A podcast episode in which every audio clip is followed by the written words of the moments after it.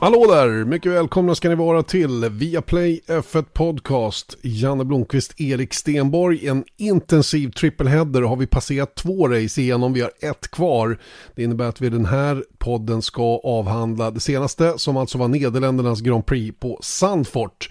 Eh, och där finns det ju en del att prata om faktiskt. Eh, vad var det som hände egentligen och varför blev det som det blev? Vi ska prata lite grann fenomenet Max Verstappen också. Det här eh, att han drar nästan 90-procentig tittarandel. Det här är, har jag aldrig hört talas om egentligen eh, överlag, oavsett vad man tittar på, att man kan få nästan alla som sätter på tvn vid ett klockslag att titta på en och samma sak. Fantastiskt. Eh, Valtteri Bottas är klar för Alfa Romeo. Det ska vi naturligtvis titta lite närmare på och Alfa Romeo, har de bytt upp sig eller hur ser vi på det? Eh, Italiens Grand Prix är ju sjukt intressant också då eftersom det är nästa race. Där tittar vi på lite statistik och lite förväntningar som vi har. Eh, givetvis blir det lite om själva förarkarusellen rent allmänt nu då. Det som återstår av den för det kommer ju inte bara bekräftelse om Bottas här utan lite annat också som vi ska beröra i dagens podd. Eller vad säger du Erik Stenborg? Eh, jag säger bara god dag, god dag. Jag tycker man börjar bli lite, lite, lite, lite sliten ehm, med alla de här, när det kommer så thick and fast på något sätt. Det är ganska mycket, eh, vi brukar dela upp liksom vem som sänder ut sändningarna och i helgen var det jag och jag kände igår måndag att det var lite, man var lite mosig faktiskt. Eh, så är det ju. Man, eh, det tar ju. Det, det är lite anspänning och hela den grejen. Så att, eh, det är klart att det, det, är så. Och triple headers ska vi egentligen inte ha tycker jag. Jag tror inte det är bra för sporten att ha tre race efter varandra i rad. Eh, jag får en känsla av att det, det kan ta mer än, än, än, det ger ibland. Va? Men nu är det ju som det är då i coronatider och de har gjort en kalender som de bedömer att de måste ha den för att det ska funka. Eh, och då får man ju ta det. Eh, hur känner du några dagar efter Nederländernas Grand Prix?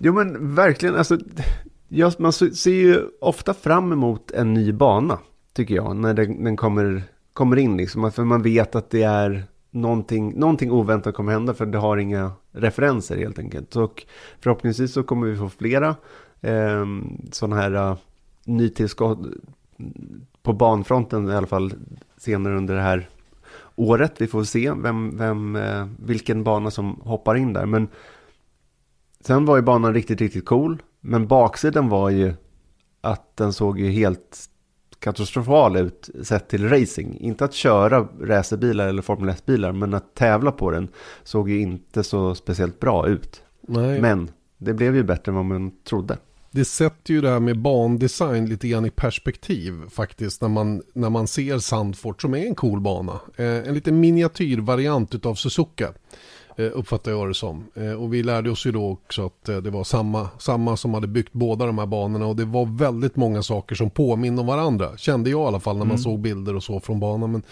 det, det, det ställer saken i ett perspektiv att man kan inte bygga vilken typ av bana heller när man designar en ny racerbana. Eh, den här är ju väldigt gammal. Eh, och mm. Eh, har ju visserligen uppdaterats då för att anpassas för Grade 1-licens då så att Formel 1 kan köra där. Men jag var precis som du, jag var oerhört orolig över att det här kanske skulle bli ett, ett svårt race att, att göra spännande. Nu tyckte jag de lyckades väldigt bra och jag, jag om, omedelbart efter racet så satte jag betyget 3,5 av 5 på det när jag mm. pratade med någon. Eh, och, och tyckte att liksom, ja, men det var i alla fall känslan initialt när, när vi hade gått ur sändning. Och, och, mm, och, det berodde nog på att mitt ingångsvärde i det var lågt ställt. Och i och med att den överträffade de förväntningarna, racet som sådant, så tycker jag att, um, att 3,5 av 5 i betyg är ett godkänt betyg och ett, ett uh, rättvist betyg till racet och till banan som Formel 1 venue. Ja, men jag skulle nästan kunna kosta på mig en fyra där, faktiskt. Just för att det blev, um, inte den här omkörningsfesten, det blev ju omkörningar. Jag trodde faktiskt inte att den första omkörningen som skedde, jag kommer inte ihåg vem det var som gjorde det, men apropå när jag satt i kontrollrummet så blev det en omkörning och då bara spara den här, sa jag till vår EVS-förare, för att det här kanske kommer bli den enda. Och då tänkte jag att det skulle vara en kul grej till efterstudion att visa så här, här är omkörningen som mm. hände. Men det blev ju mycket mer. Eh, det var ju mycket tack vare Sergio Perez i och för sig. Men det gick att köra om. Om man hade lite olika strategier och olika däck kanske. Men just det taktiska elementet som kom in på det här racet var ju en höjdare. Och det skulle jag kunna ändå ge en fyra för. Mm, verkligen. Eh, vi brukar ju dela ut tummar upp och ner. Vi hoppar över det idag. Vi kommer att komma in på saker som har varit bra ändå.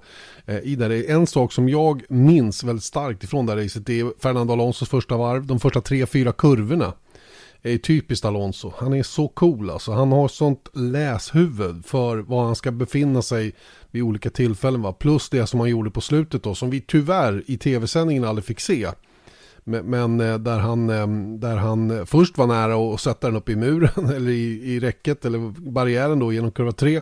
Rädde ut det med några centimeters marginal och sen kör om då Carlos Sainz på sista varvet och blir sexa i mål.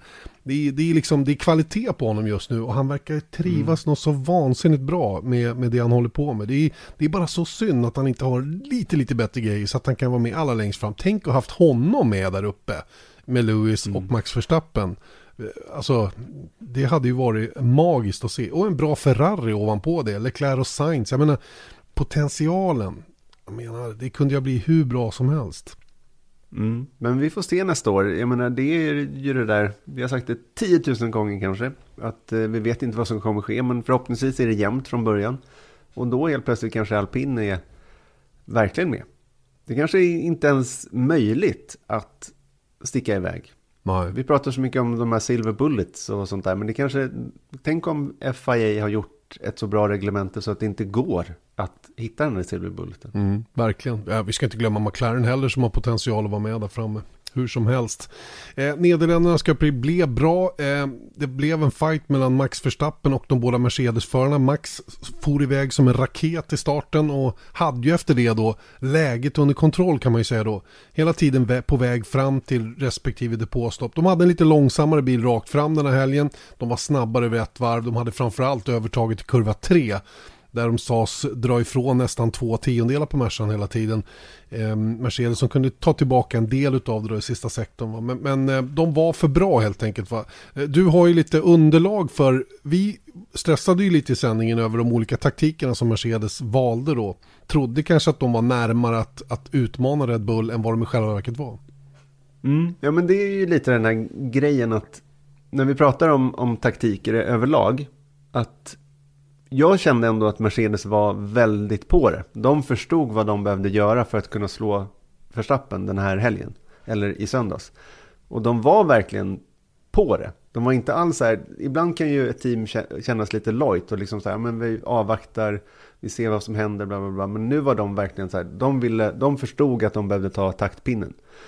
Sen så försökte de två gånger med olika undercuts och de, de stannade mm, hade kvar eh, Bottas ute på banan för att eventuellt då blockera eh, Verstappen eh, upp i honom helt enkelt. Så att Hamilton skulle komma i fatt och kanske om. Ja, och hade, och hade, hade däcken hållit upp lite bättre så hade ju Bottas faktiskt kunnat köra om segern eh, med en enstoppare. Nu blev den för långsam just för att sista 5% av varje stint då blev det däckvibrationer, och hade svårt att hålla farten uppe och det, det räckte liksom inte hela vägen. Va? Men på pappret såg det ut som att han hade chans att vara med och slåss om det. Mm.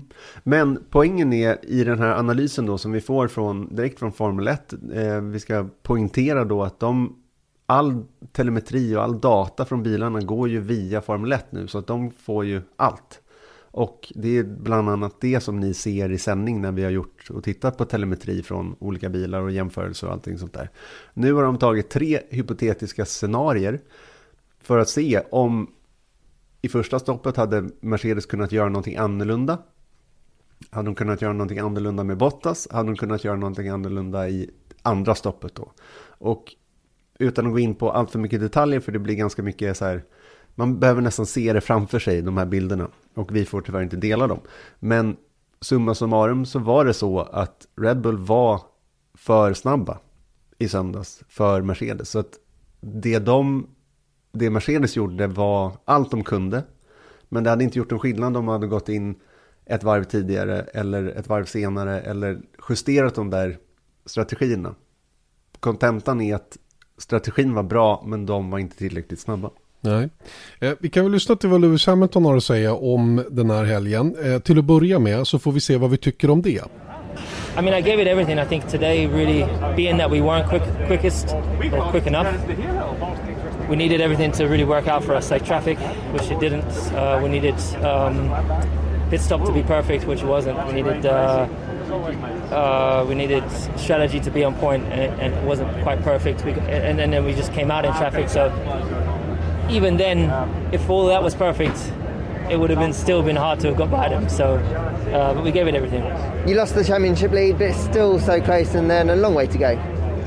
Yeah, a long way to go. Uh, they put an upgrade on their car in the last race, and today you've seen the speed of the, the improvement that they've made. So we've got to do some work. We, we've got to bring something to be able to compete with them.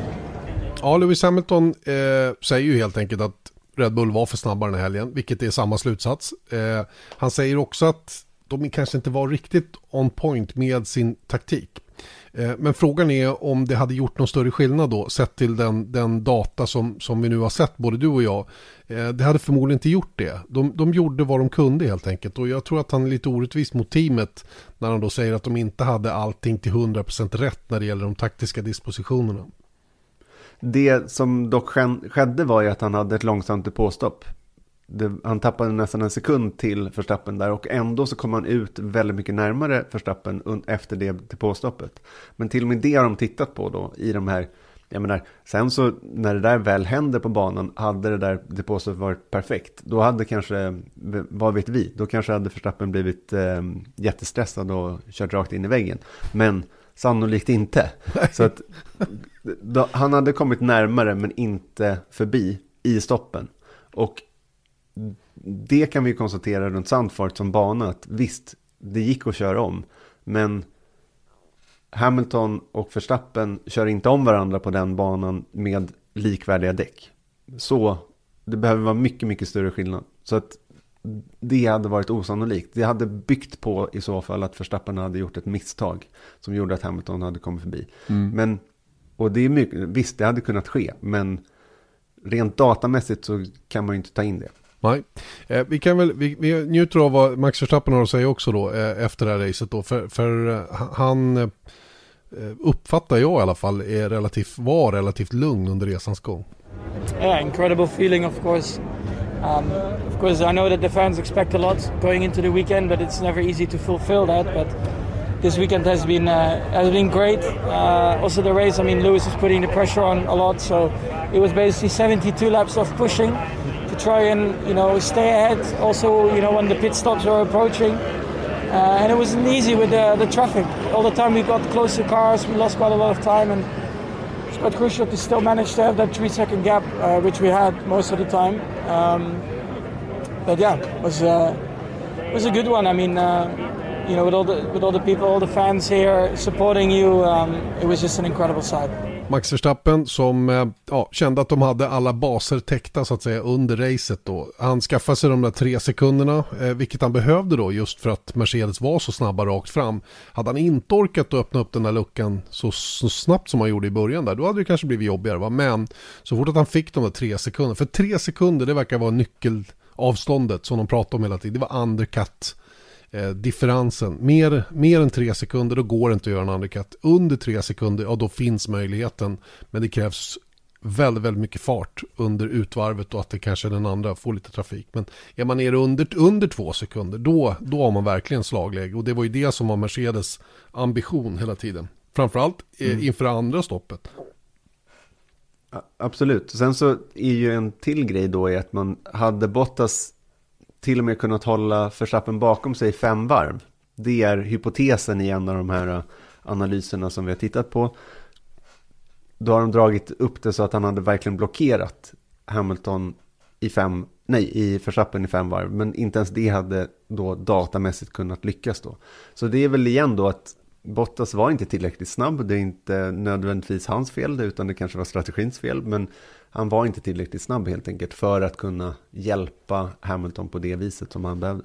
Och då tar vi och lyssnar på Bottas också då. Hans eh, så att säga känslor efter loppet då med den valda taktik de, de, eh, de hade för hans del. Yeah, um, I committed to one stop quite early on in, in the race, so uh, it meant I definitely had to do more management than, than Lewis and Max were doing. But I think one stop was quite a way off of, of two stops today, and uh, the tire wear and the vibrations towards the end of the stints were, were quite tricky. So Um, in the end, I still stopped for just for safety. So it was like a mix of one or two stop for me and not ideal. And you had a go at the fastest lap right at the end of the race, probably gave your teammate a scare. Sector one, sector two, yes, I was pushing, but sector three, I was lifting off quite a bit. So because you know Lewis needs that one extra point more, more than I do in the, in, in the championship.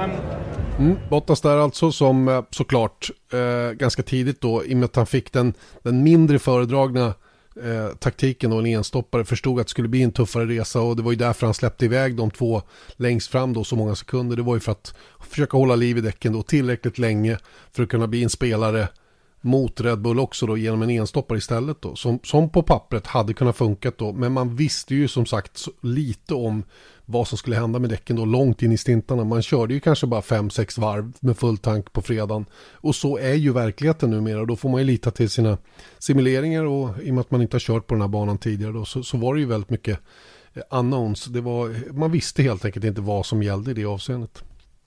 Nej.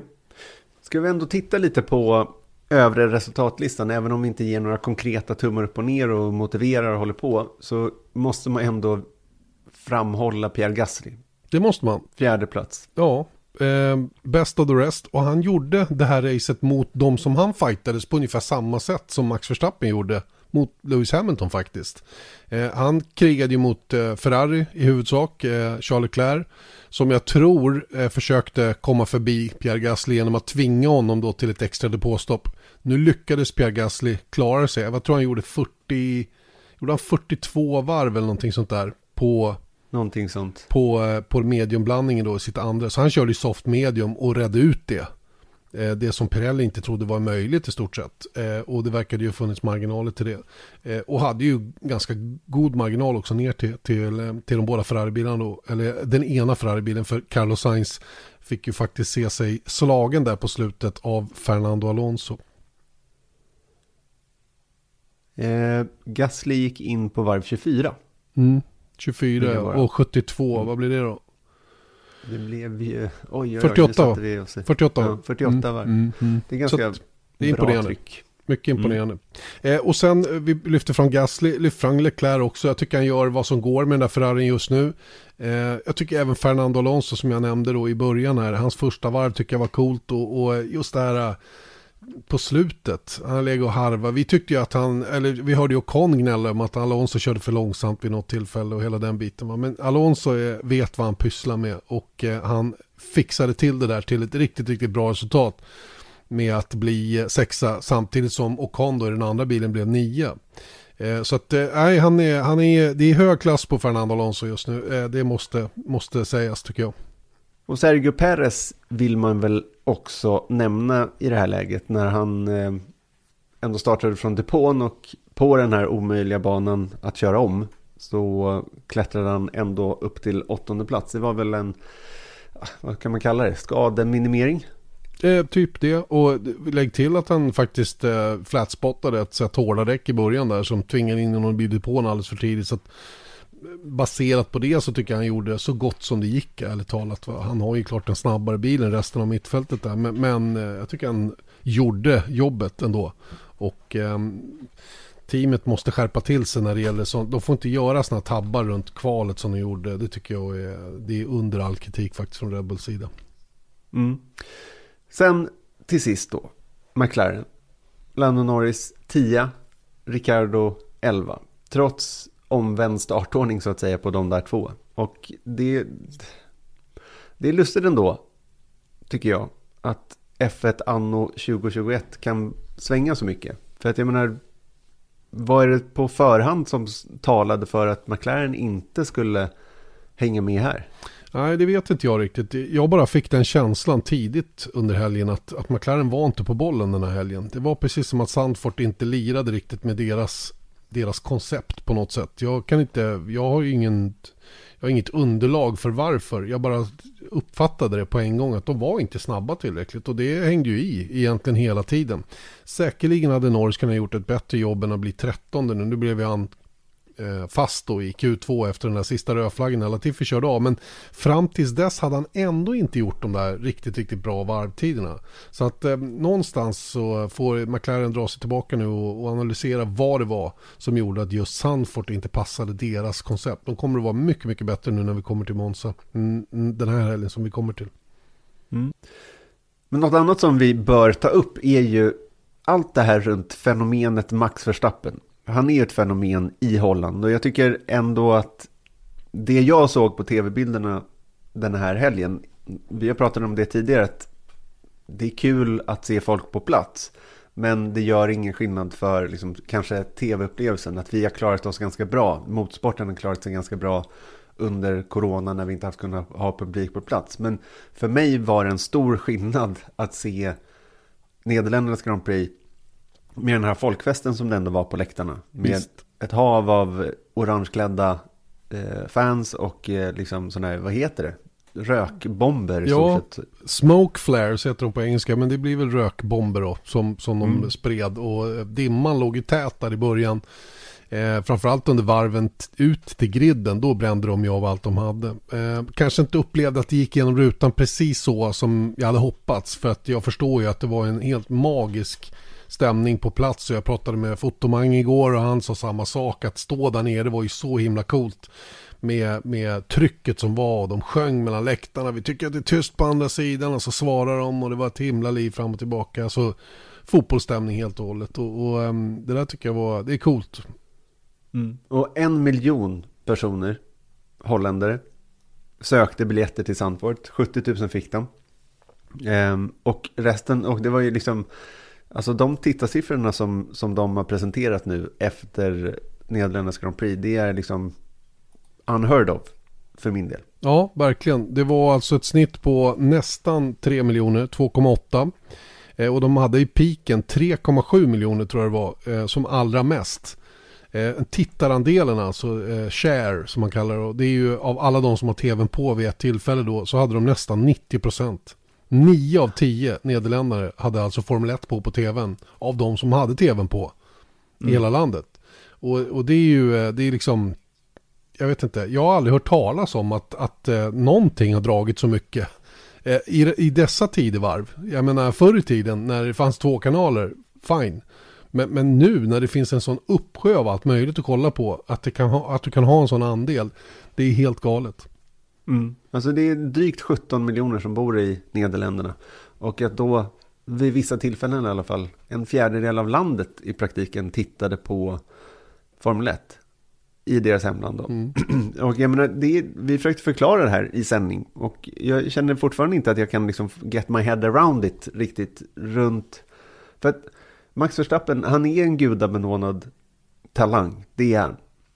Men vi har sagt det tidigare, tror jag, att han är ingen karismatisk människa. Han är ingen liksom eh, charmig typ liksom. Och det kanske är det som det kanske är det som eh, The Duchess eh, gillar med honom på något vis. Ja, ja ingen aning vad det är. Någonting är det i alla fall som drar.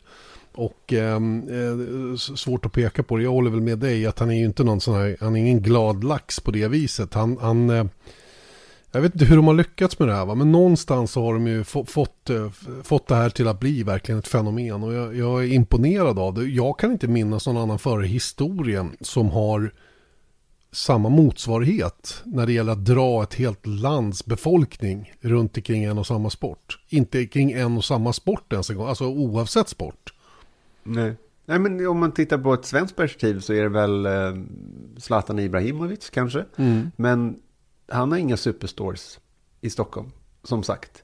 Eh, Ayrton Senna är väl en liksom go-to-person om man tänker sig att ett, en nation liksom sluter upp bakom en, en uh, idrottare mm. överlag. Jag tycker det är en bra eh. jämförelse. Jag menar, se begravningen efter honom, det var ju landssorg. Jag menar, så det är mm. ju ett tragiskt, en tragisk jämförelse, men den är relevant tycker jag på ett sätt. Va? För det säger ju rätt mycket om hur brassarna då slöt upp bakom i ett fotbollstokigt land som Brasilien ändå är. Mm. Men var, samtidigt var det liksom lite andra tider, så det är det jag menar med, jag tyckte det var en, en god poäng som du drog där tidigare. Att, jag menar, du sa att det fanns två tv-kanaler i Sverige, ja. Men det fanns ju inte lika mycket sporter, det fanns inte lika mycket att titta på överhuvudtaget eh, på den tiden heller. Så att jag tänker liksom när Ayrton Senna som vid det laget var liksom, hade vunnit VM flera gånger i minsta fall då. då jag, menar, jag, jag tycker eh, jämförelsen haltar lite grann i alla fall. För att i dagens tidevarv så tycker jag att det här är nästan, finns nästan ingen motsvarighet. Nej. Nej, jag håller med. Och som sagt, det finns ju tv och det finns ju miljarder kanaler och, och, och, möjligheter att se saker oavsett om det är vanlig linjär tv, om det är streamad tv eller streamingtjänster av annat slag, typ YouTube. Alltså det är så himla mycket att välja på att då och då få eh, nio av tio nederländare som, som slår på tvn att sätta sig och nästan en fjärdedel av befolkningen. Äh, det, är, det är ett fenomen verkligen. Och det ska bli kul att se vart det här tar vägen. Eh, det intressanta är ju också att Siggo, Siggo Sport som har haft rättigheten i Nederländerna nu tappat den. Eh, och mm. det är alltså Nent och Viaplay som kommer att finnas i Nederländerna från och med nästa säsong. Och det märker du och jag lite grann på förberedelserna inför det här övertagandet att det är ganska hög anspänning på ansvariga inom, inom Nent att göra en bra, en bra produkt nu. Här har de ju verkligen the golden egg.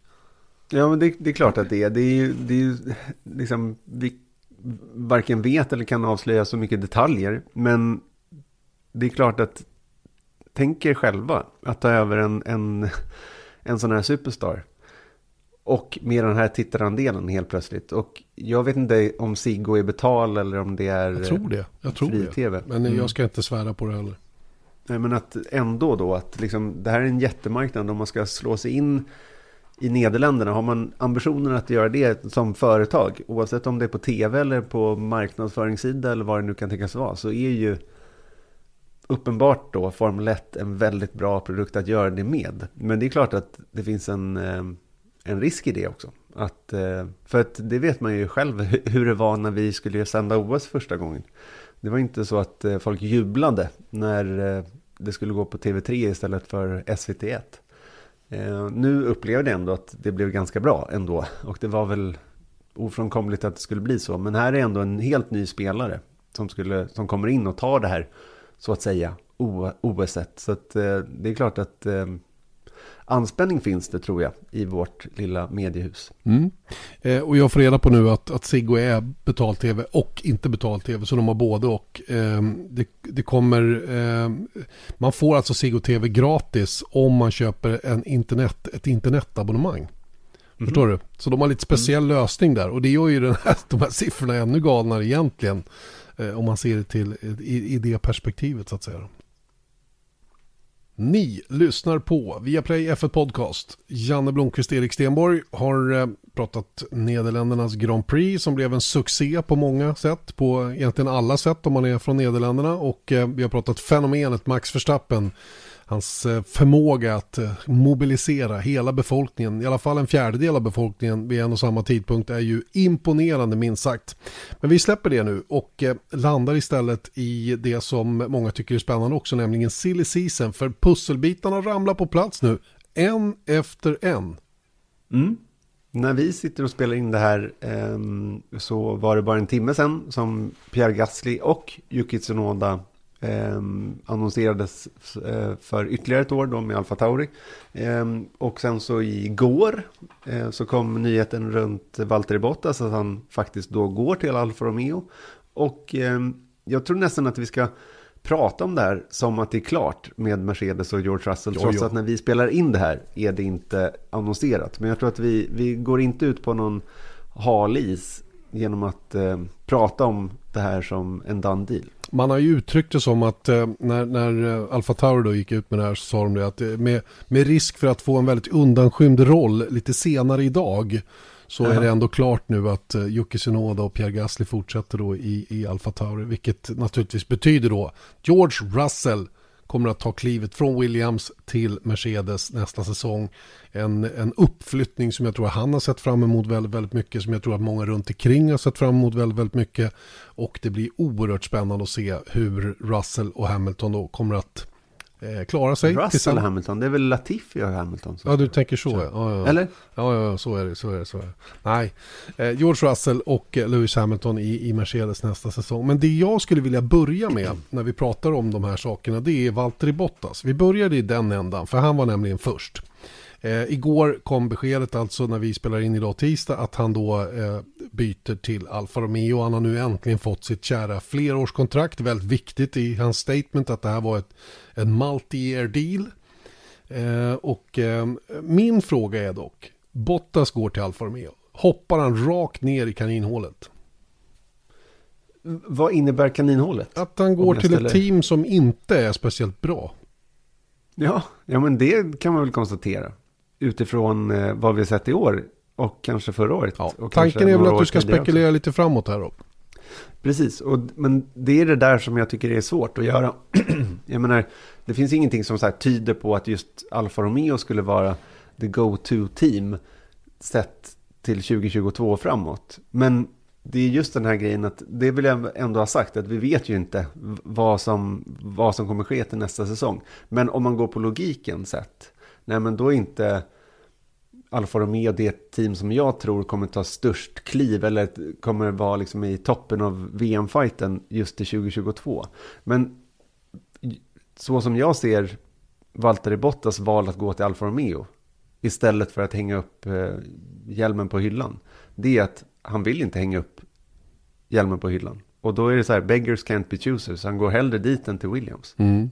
Tänker jag. Varför, varför då då? Varför, varför till Alfa snarare än Williams? Sett till alla kopplingar som... Alltså det är det här som börjar bli lite snurrigt nu då. Williams kör Mercedes-motor, har visserligen nya ägare nu som då påstår att de inte behöver några betalande förare och hela den biten. Um, Bottas tillhör Mercedes-familjen, han har mer eller mindre Toto Wolff som manager, i alla fall, i, kanske inte på pappret men more or less är det på det viset i alla fall. Eh, och, och, i slutändan så hamnar han då i team som kör Ferrari-motorer. Eh, och, och eh, det, är det, här, det är det här som jag tror att många på utsidan har lite svårt att få ihop. Eh, jag vet att jag frågade om de här bitarna, försökte ta reda på huruvida Bottas var aktuell för Alfa Tauri då när ryktena började dyka upp första gången och det var blankt nej på det. Det var inga samtal Alfa som hade förts. Alfa Romeo, vad sa jag då? Alfa Tauri. Alfa Tauri menar inte, Alfa Romeo menar jag. Mm. Eh, och, och, så vidare. Va? Men det är ju helt uppenbart då att, att diskussioner var igång om en flytt dit då. Eh, och jag, jag, jag landar i att tänka lite större. Det som har hänt sedan dess är ju att även Nick de Vries, holländaren, eh, med Mercedes-koppling, även han då eh, sägs eventuellt vara på väg till, till Alfa Romeo. Eh, då skulle Alfa Romeo alltså sitta med två stycken Merca-gubbar och det här startar naturligtvis en mängd spekulationer hos människor. Jaha, då blir det Merca-motorer nästa år och hela den grejen va. Eh, och då har jag ju tagit reda på att Alfa Romeo har ett motorkontrakt med Ferrari för nästa år och just nu så tror jag att det är för sent att byta motorer till Mercedes eh, för nästa säsong. Bilen är redan byggd för, för eh, Ferrari till, eh, till stora delar i alla fall. Även om de kanske inte har fått precis all data kring hur motorn kommer att se ut nästa år så är det ändå det som, som ska gälla från, från och med nästa säsong. Eh, och om vi då tittar åt andra hållet då och ser vad, vad, som blir kvar då i Williams så vet vi att Nicolas Latifi eh, eh, vet vi ingenting om egentligen. Jag vet inte hur hans kontraktssituation ser ut, om den är över nästa år eller om han måste förlänga år för år. Vi vet dock att han har starkt sponsorship bakom sig, något som Dorlinton då säger sig inte behöva. Så vad hamnar vi då då? Jo, vi hamnar ju med Red Bull då som försöker få in Alex Albon någonstans. Och eh, där har ju Mercedes sagt att vi kan tänka oss att ta in Albon i Williams. Vi kan tänka oss att ta in Albon i Williams, säger Mercedes, mm. som inte har med teamet mm. att göra. Eh, de är, eh, eh, de är changdobla nog att tycka att Albon kan gå dit om han bryter kontraktet med Red Bull. För de skulle inte känna sig bekväma med att ha en Red Bull-kontrakterad förare i en bil med Mercedes-motor. Så, så vad är alltihopa det här på väg någonstans då, kan man ju undra. Jag, jag i mitt lilla huvud så tänker jag så här, ja men okej då, De Vries och Bottas kör för Alfa Romeo från och med nästa säsong. Eh, och, och, med Ferrari-motorer och hela den biten. Men vad händer efter det? Kan man ju undra. Sauber, vars karriär i Formel 1 startade med Mercedes. Det kanske är så att de kör Mercedes från lite längre fram. Och vad skulle då Williams kunna göra om Alex Albon hamnade där? De skulle ju i teorin kunna ta en Red Bull powertrain-motor från 23. Inte 22, men 23. Mm. Så att det kanske är lite grann av ett dödläge nästa år då där alla har sina dealer som gäller en säsong.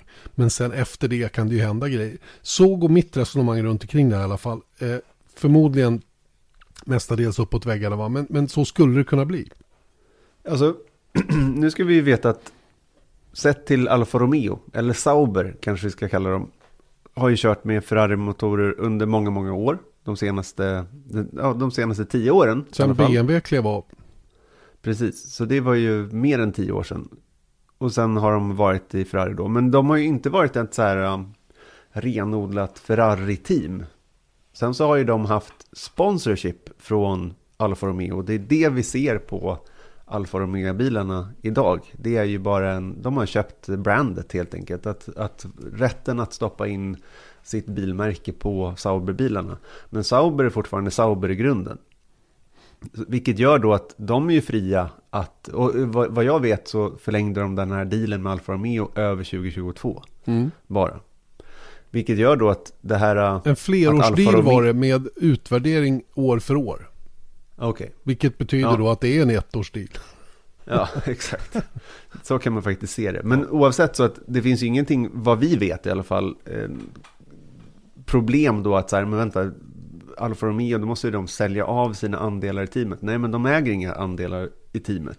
Så det är bara att eh, ja, ta bort de där Alfa Romeo-klistermärkena och klistra på lite treuddiga stjärnor istället.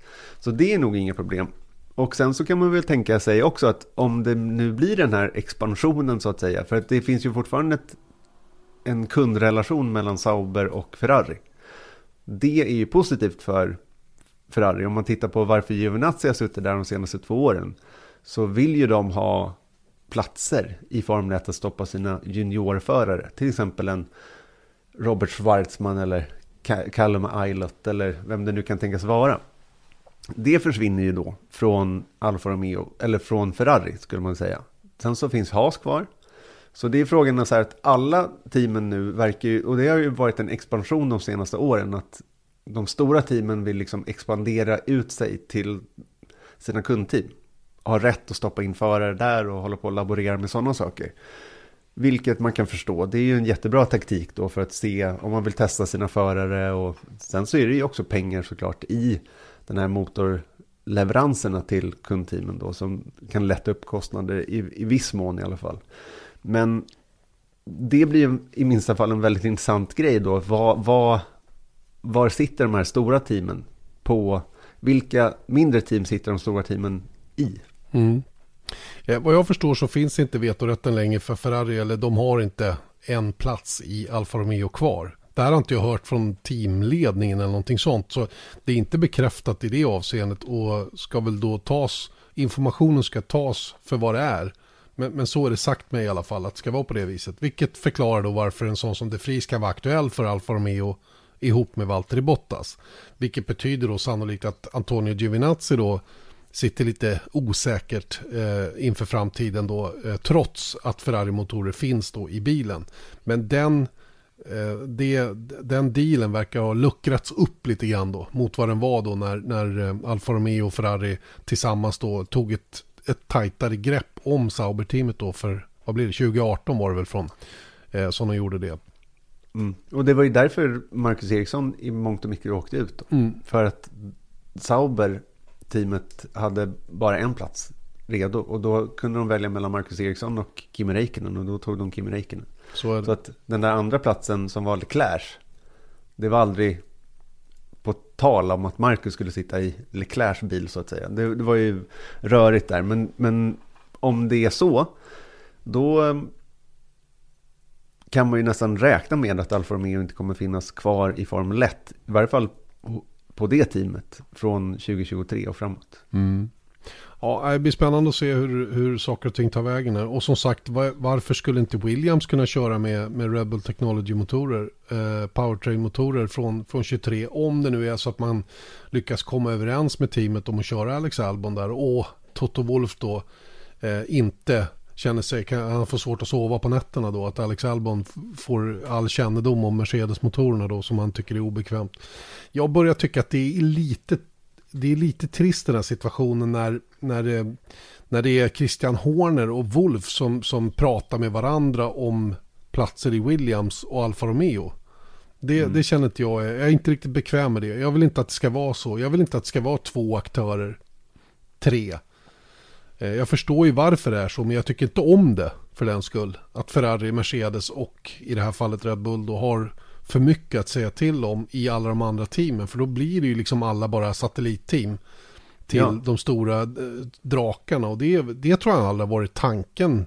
Även om det har blivit så med, med, med ekonomin och hur det ser ut och så vidare. Kanske det här budgettak kan hjälpa till med det. Kanske är det budgettaket som gör att, att Sauber inte är lika benägna att sitta fast ihop med Ferrari på samma sätt som de har gjort tidigare. Om det nu är så. Ja, men för att vara djävulens advokat så tror jag att det är budgettaket som har gjort i alla fall att de här stora teamen måste positionera ut sig.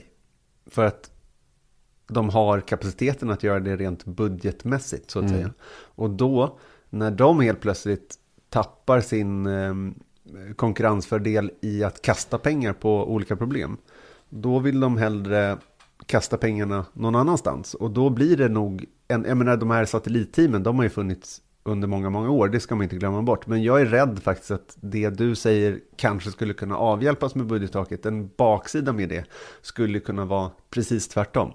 Att de make offers satellitteamen can't refuse, så att säga. Så, och därav blir de mer och mer eh, liksom i händerna på dem. Och jag tänker ba, bara en sån, om man tänker på det, så är det ju helt sjukt egentligen. Att man tittar på ett team som Sauber, Alfa Romeo, är starkt knutet till Ferrari. Men nu så pratar vi om att nej, men nu ska de bli knutna till ett annat team. Så att alla de här mindre teamen är aldrig riktigt fria. Så är det ju faktiskt idag också. Och jag håller med dig, om det skulle gå ännu längre, jag menar då är vi, då är vi liksom eventuellt på väg in i någon slags DTM-fas. Som Not det good. faktiskt var. Not Nej. good.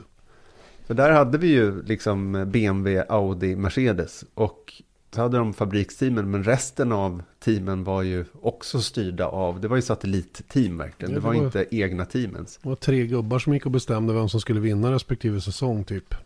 Ja, typ. Mm. Nej, det Det där, gillar, det där gillar jag inte. Så det där är inte alls bra. Och det där hoppas jag eh, inte stämmer heller. Eh, och jag kommer aldrig få reda på hur det ser ut i verkligheten. Jag har inte de ingångarna i toppmanagement hos, hos de här teamen, vare sig de mindre eller de större, för att kunna ha någon uppfattning om det. Va? Men, men på, från utsidan så känns det som att de här tre stora som jag nämnde då, peta lite för mycket i saker och ting. De som inte gör det just nu då i alpin, för de är ju bara sig själva, de har ju inte ens några kunder. Och, och en, en, en försvårande omständighet för Mercedes att leverera motorer till Sauber det är att de redan har fullt så att säga utav kunder, vilket betyder att de skulle behöva bli av med Williams för att kunna byta till till, till Sauber om det är så att de vill ha Mercedes-motorer. Vilket jag kan se som en rätt naturlig utveckling i och för sig. Jag tycker det skulle vara lite coolt om Sauber blev Sauber igen och körde med Mercedes-motorer bara för att de kan det och, och det passar alla inblandade bra. Va? Men, men det får men inte det ju bli på drömmen. bekostnad av att man inte har någon att man inte har den egna integriteten kvar, att man kan bestämma fullt ut över teamet. Ja, det får inte vara så. Då är det bättre att de tvingar alla att, kö- att köpa, betala leasingavgiften för motorer. Punkt slut. Det får inte gå till på något annat sätt. Några Mm. rabatter och sånt där skit, det, det tar bort det bara. Nej men det är ju drömmen, att alla teamen är Oberoende. starka i sig själva. Mm, oberoende, kort och gott. Ja. Så att, eh, eh okej, okay. så jag fick inget riktigt svar på det här om Bottas åker ner i kaninhålet eller inte. Nej, men det gör han väl, men det är samtidigt, jag åt, återupprepar att, jag menar, har man varit i Mercedes, alltså det var ju samma fråga egentligen som, som eh, Kim Räikkönen fick, fast den är liksom kanske mindre relevant för att han är något yngre. Eh, när han skulle gå till, till Sauber Alfa Romeo, var jag så här, men vad, hur är motivationen? Du har suttit i de här VM, eh, eller i varje fall racevinnande bilarna under lång tid nu, så här, hur ska du motivera att sitta i i en um, Alfa Romeo. Och Kimi Räikkönens svar var ju because I want to. Mm. Eh, och jag, jag gissar att ehm, det behöver inte vara mer komplicerat än så att, att eh, Valtteri Bottas wants to. Nej, nej, nej, det är ju uppenbart. Eftersom man har valt att göra det. Ja, precis. Så Han det, jag tvingad. tänker mera hur du ser på det. Men okej, jag fraserar om då och säger så här. Alfa då? Byter de upp sig eller ner sig? Jag skulle gissa faktiskt att det, har vi inte heller berört, men det är väl allmänt känt nu att Kimi Räikkönen lägger hjälmen på hyllan efter eh, den här säsongen. Ehm, jag menar, killen fyller 42 nu i oktober. Jag tror ändå att allt det här med motivation och allting sånt där, det, det kan vi lämna därhän sett till Kimi Räikkönen. Men det är klart att det är ju ett fysiologiskt faktum någonstans. Att det behöver inte ha med motivation att göra ens. Men det är att man blir nog inte speciellt mycket snabbare över 42. Så att jag tror eh, att få in en Valtteri Bottas som inte är en dålig förare. Men han har suttit i ett stall där kanske historiens bästa förare sitter. Och nu helt plötsligt så, så får han en, en, en ny start. Han kommer inte slåss om race-segrar sannolikt. Men han, han känner till den världen han kommer till på något vis. För att han har suttit i Williams innan. Och han har gjort väldigt bra ifrån sig i Williams innan han kom till Mercedes också. Och han har gjort bra ifrån sig i Mercedes också, men inte lika bra som Lewis Hamilton. Så jag tror att um, man glömmer bort det ibland, men Formel 1 är ju majoriteten av de där förarna tävlar ju inte för att vinna, utan de tävlar för att göra så bra ifrån sig som de bara kan i det materialet de sitter. Mm. Så att det blir som en vinst så, för dem. Och jag tror att, byter jag tror att Bottas, jag, jag, tycker att äh, Alfa absolut byter upp sig. De gör ja. det, okej. Okay. en lång förklaring.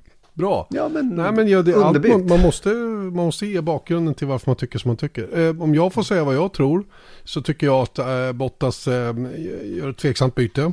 Ehm, jag, hade jag varit Bottas hade jag inte fortsatt. Då hade jag slutat köra Formel 1. Ehm, det hade jag gjort. För att jag tror inte att han But kommer till... Doesn't want, nej, doesn't want to... nej, det är sant. Men om jag, jag säger om jag hade varit han, så hade jag valt att göra någonting annat. Ehm, för att han är alldeles för van nu att vara på den nivån där Mercedes befinner sig. Och jag tror inte han kommer uppskatta att vara på den nivån där han nu hamnar. det är nummer ett. Eh, nummer två, huruvida Alfa byter upp sig eller inte. De byter upp sig över ett varv. De byter ner sig i race. Och det ska bli jättespännande att se eh, hur, eh, hur det kommer att spela ut det här när han väl börjar köra igen i Alfa Romeo, Valtteri Bottas, eh, i det här teamet då. Eh, sett, till, sett till hur Kimi Räikkönen har klarat sig. Eh, sen, eh, då gör jag som dig, jag bortser från ålder och motivation och alla de där bitarna. Jag bara ser till ren skill som jag uppfattar det från mitt håll, så tycker jag att Kimi Räikkönen är en bättre förare än vad Valtteri Bottas är. Eh, på sju punkter av tio. Mm. Så att jag är, ställer mig lite frågan till huruvida det här är ett uppbyte eller inte. Men det återstår att se. Eh, vi vet ju som sagt ingenting om hur bilarna nästa år kommer att se ut utan allt är ju mer eller mindre baserat på hur team och, och förare har presterat i år vilket egentligen är ut genom fönstret när den här säsongen är över. Det kan ju se helt annorlunda ut nästa år. Jag skulle ändå vilja jämföra Valtteri Bottas med eh, Valtteri Bottas i Williams. Då var han, det var ingen som ifrågasatte hans racefart Nej, i men... Williams. Han, han tog podien, han slog massa, han och så vidare och så vidare. Självklart gjorde han det och det ska dock tilläggas att Williams på den tiden, 14, var en jävligt bra bil. Mm. De var trea i konstruktörs-VM. Ja, Glöm inte det. Eh, och det är det jag menar. Det är, det, det, är avgörande för hur man känner. 14 och 15 var ju förhållandevis bra år för Williams. Eh, 16 mm. började de att gå lite åt andra hållet och 17 tog han ju klivet upp då till, till, till Mercedes. Så att han gjorde i sina år i Formel 1 med Williams under en ganska bra period för det teamet. Vilket mm. kommer att vara skillnaden. Nu bedömer jag återigen Alfa utifrån vad vi har sett så här långt. Och det är orättvist för Alfa kommer förmodligen att vara bättre rustat nästa år än vad de är i år och var förra året. Det har inte riktigt blivit som de hade tänkt sig då. Dels med Ferrari-motorn och dels med hur pandemin har påverkat Formel 1 rent generellt. Bottas i Mercedes då?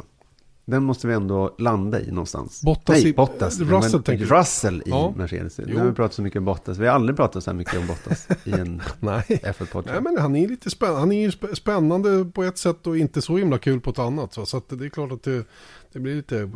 Det, ja, när, när sånt här händer så är det lite intressant ändå. På det viset så har han kanske, hans varumärke blivit lite uppmärksammat i alla fall de senaste dagarna. Eh, just det, George Russell till Mercedes ja. ja, det blir ju spännande. Och det där är ju många som då menar på att eh, hur ska det här gå? Russell är bara snabb och kvala, han kommer ju aldrig ha en chans mot Lewis Hamilton och så vidare och så vidare. Vilket är en ganska grund bedömning av George Russell som jag ser det.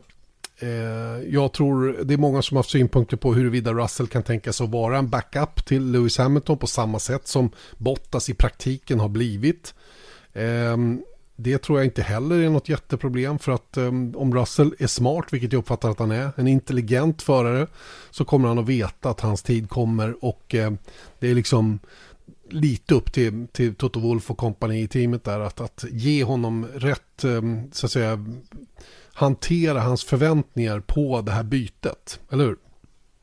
Absolut, men samtidigt så skulle jag säga det att jag tror inte att Mercedes är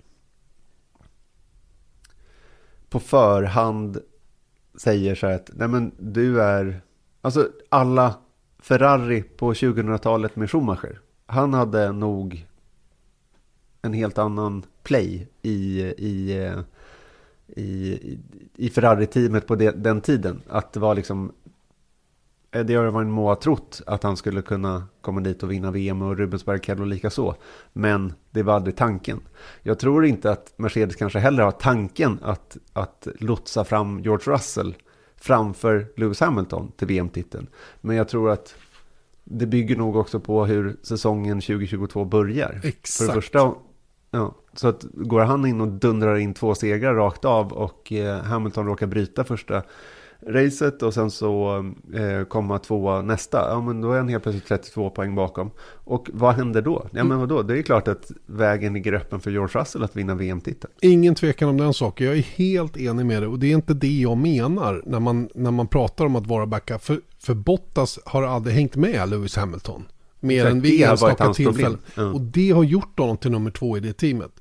Eh, Men, men det, det, det som jag uppfattar många är oroliga för, eller, eller säger så här, det här kommer aldrig funka, det är att man är tillbaka i någon form av Nico Rosberg, Lewis Hamilton situation, typ Mm. 2016. Och där, hade vi ju en, en, där, där var det ju rätt mycket tjuvtricks då. Jag tror inte att Russell eh, kommer att agera på det viset. Han kommer att köra precis så fort som han bara kan. På träningar och på kval. Och jag menar, slår han Lewis Hamilton i kval, då kommer ju han att få prioritet i teamet. Det är ingen tvekan om den saken. Varför skulle han inte få det? Eh, och det är precis som du säger, va, inledningen på säsong 3-4 första racet kanske bestämmer hur teamet sen väljer att attackera resten av säsongen då, sett till vem som ska prioriteras. Det är bara det att jag är inte orolig för att vi ska komma tillbaka i en 2016-sits igen. För det är Russell för smart för, sett till att hans tid kommer. Jag tror att han vet att det är på det viset och han har, han har råd att, även om det är svårt många gånger att tänka på det viset i stridens hetta så tror jag han ändå kommer liksom förberedas på vad han har att förvänta sig, framförallt det här första året då. Å, å andra sidan då visar det sig att, att Russell krossar Hamilton av olika anledningar de första racen, då är det ganska lätt val kanske för Mercedes, om det nu är jämnt i VM med det här nya reglementet. Men skulle det visa sig att så, nej, men, eh, Verstappen vinner första, Hamilton vinner andra, Russell vinner tredje, eh, Leclerc vinner fjärde och du vet, det, istället för att det är två där uppe, som det är i år, så är det nio där uppe. Ja, men helt plötsligt så kanske det säger, men vi vill vinna VM-titeln. Då måste ju sannolikt då Mercedes, väl, alla teamen kanske, välja spår. Vem går vi på här? För att vi behöver ta mer poäng med den här föraren för att vi, alla kan inte ta poäng från varandra helt enkelt. Nej. Det blir ju en mycket svårare situation för Mercedes. Och i det fallet skulle det vara så att, att eh, till mitten av säsongen så är det super, superjämnt och teamen kommer då tvingas välja häst så att säga. Då, då tror jag att eh, Mercedes kanske väljer Hamilton på grund av, eller tack vare hans erfarenhet eventuellt då. Eh, men det är ju alldeles för långt för att ens spekulera om. Utan jag tror att, som du säger, så har Mercedes nog lärt sig en läxa från 2016. Lärt sig en läxa med att ha en Valtteri Bottas i teamet, hur harmoniskt det har varit.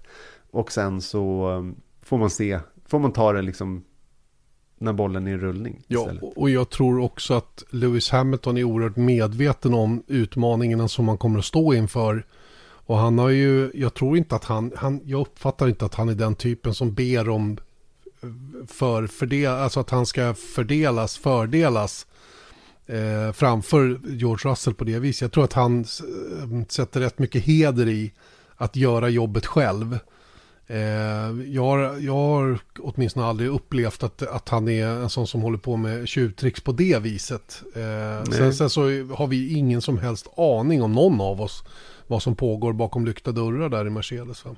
Nej. Däremot så kan man ju se det som, men nu har det ändå gått så pass långt så att Bottas är inte i VM-fighten. Så att om man tar exemplet från söndags till exempel när Bottas blev eh, ombedd att inte ta snabbaste varv. För, eh, och sen då Mercedes ordnade till det så att, eller Hamilton också ordnade till det så att han kunde ta snabbaste varv. Det är ju, det tycker inte jag är en jämförbar, jämförbar eh, situation. För nu är det, nu står det mellan Hamilton och Verstappen till exempel. Så Ja.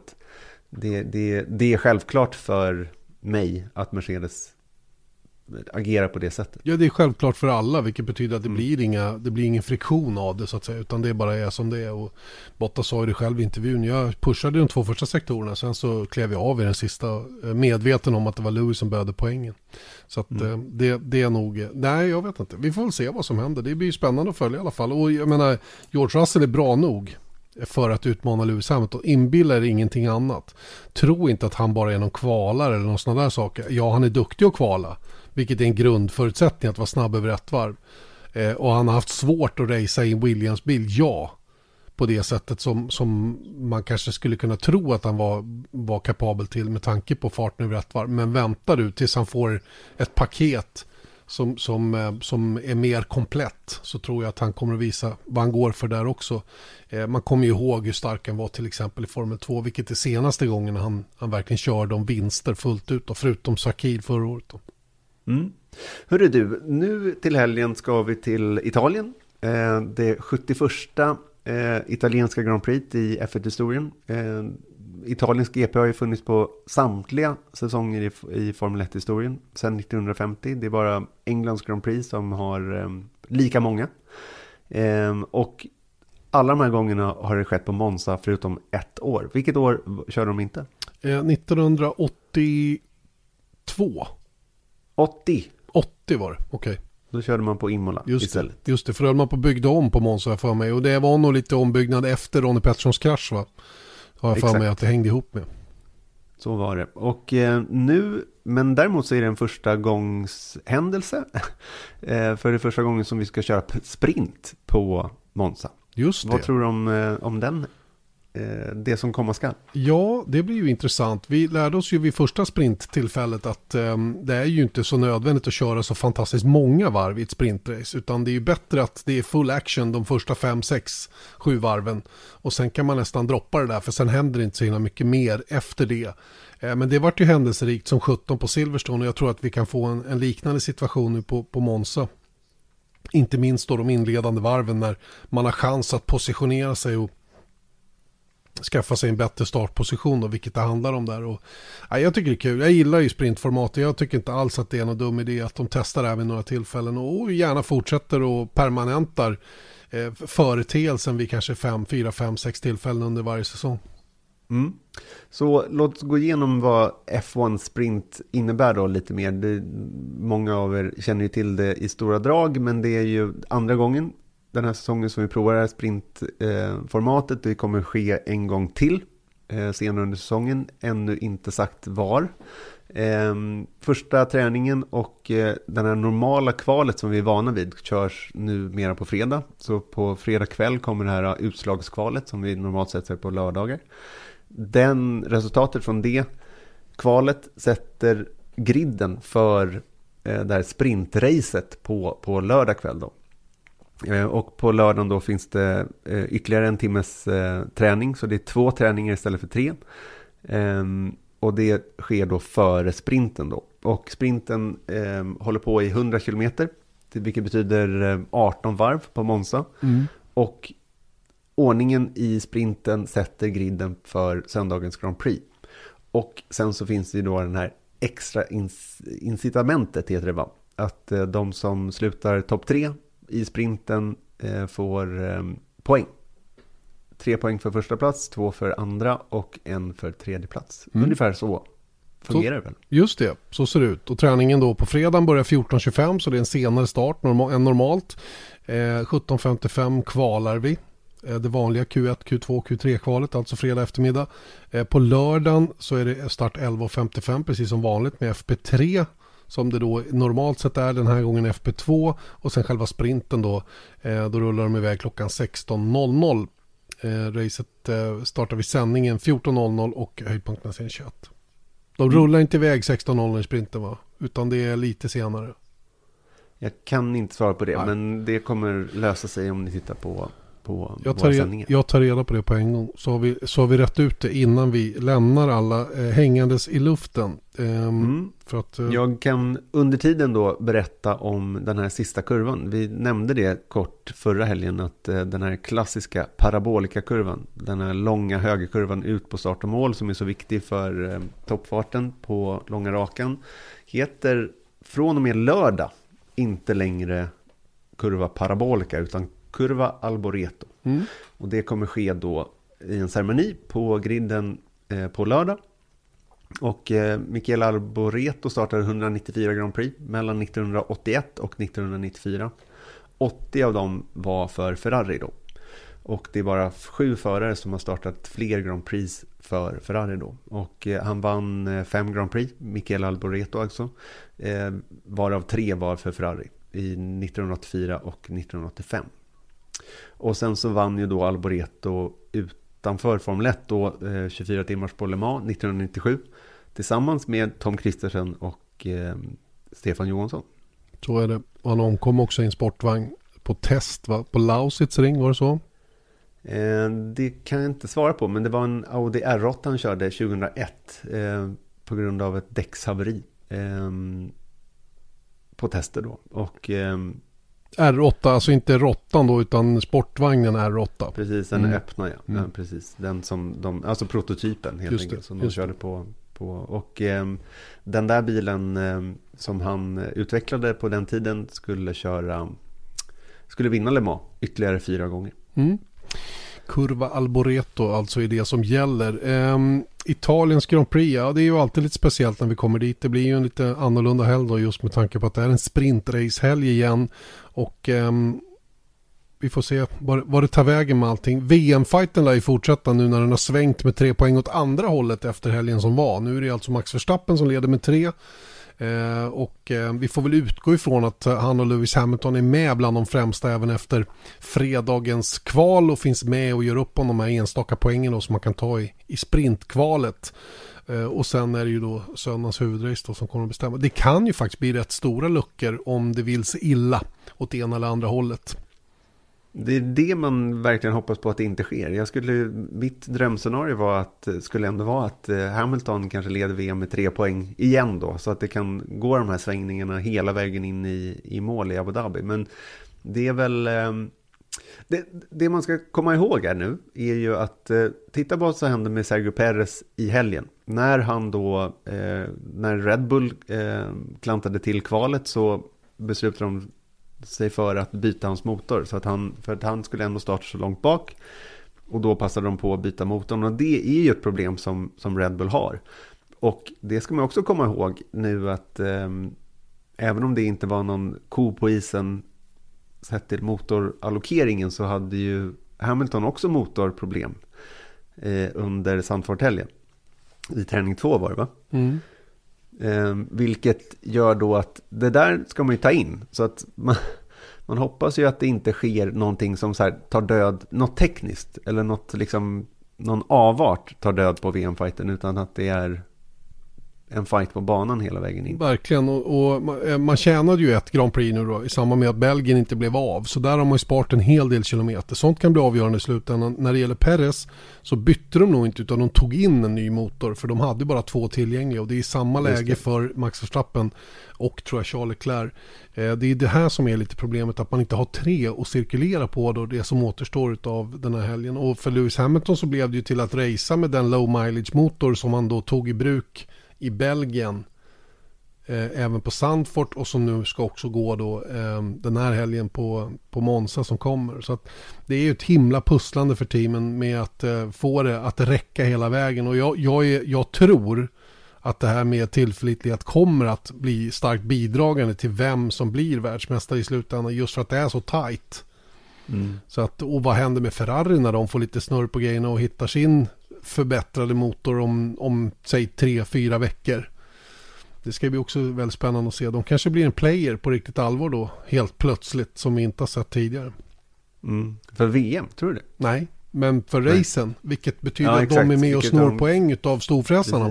Så att det, det, är det, som är, det är det som är spännande tycker jag. Och um, det, här, det är långt, långt, långt ifrån avgjort där. Och det är en jättebra säsong vi har så här långt. Och förmodligen även kommer att fortsätta ha i framtiden. Vi hoppas att inte covid ställer till det för mycket nu. För det ser lite bekymmersamt ut i Texas, får vi rapporter om. Eh, ambitionen från Formel 1 är ju att köra där trots allt. Men eh, det ser inte bra ut. Och skulle Texas försvinna då är det ju svårt att köra Turkiet. Så det kan ryka två race rätt Mm. upp och ner här utan att, eh, utan att vi kan göra så himla mycket åt det av den anledningen. Så att vi får hålla tummarna för att eh, viruset håller sig i schack. Mm. Vi kan väl nämna det också att jag råkade få ett e-mail från någon i Qatar som ställde en fråga till mig. eh, som jag tror inte var sanktionerat så att säga. Och sen så ska vi väl inte dra allt för stora växlar på det. Men, men jag tror sättet e-mailet var skrivet så var det liksom lite så här en öppen fråga. Så här, om, om ni ska komma hit då, så här, hur, hur ser det ut med vaccineringen och allting. Eh, vilket då indikerar för mig i alla fall att då vi är på väg till Qatar. Ja. Den där um, frågetecknet om vi skulle åka till Bahrain och köra autocircuit eller om vi skulle åka till Qatar så känns det som att Qatar är eh, ett lite säkrare kort. Just nu verkar det vara på så. det där. Ja, exakt. Så att eh, bli inte förvånade om vi åker till Losail. Nej, så är det. Och det får bli slutord ifrån veckans podd. Eh, Häng med oss hela helgen, fredag, lördag, söndag. Alltså 14.25 fredag i första sändningen. Missa inte den nu. För då får ni ju klart för er hur resten av sändningsschemat ser ut. Och är det när ni undrar över kring tid så finns det på sociala medier. Eh, via, sport, eller via Playmotor sociala medier. Eh, så nu stänger vi butiken för idag och ber att få säga på återhörande poddmässigt i alla fall om en vecka igen. Ha det gott, hej då! Hej då!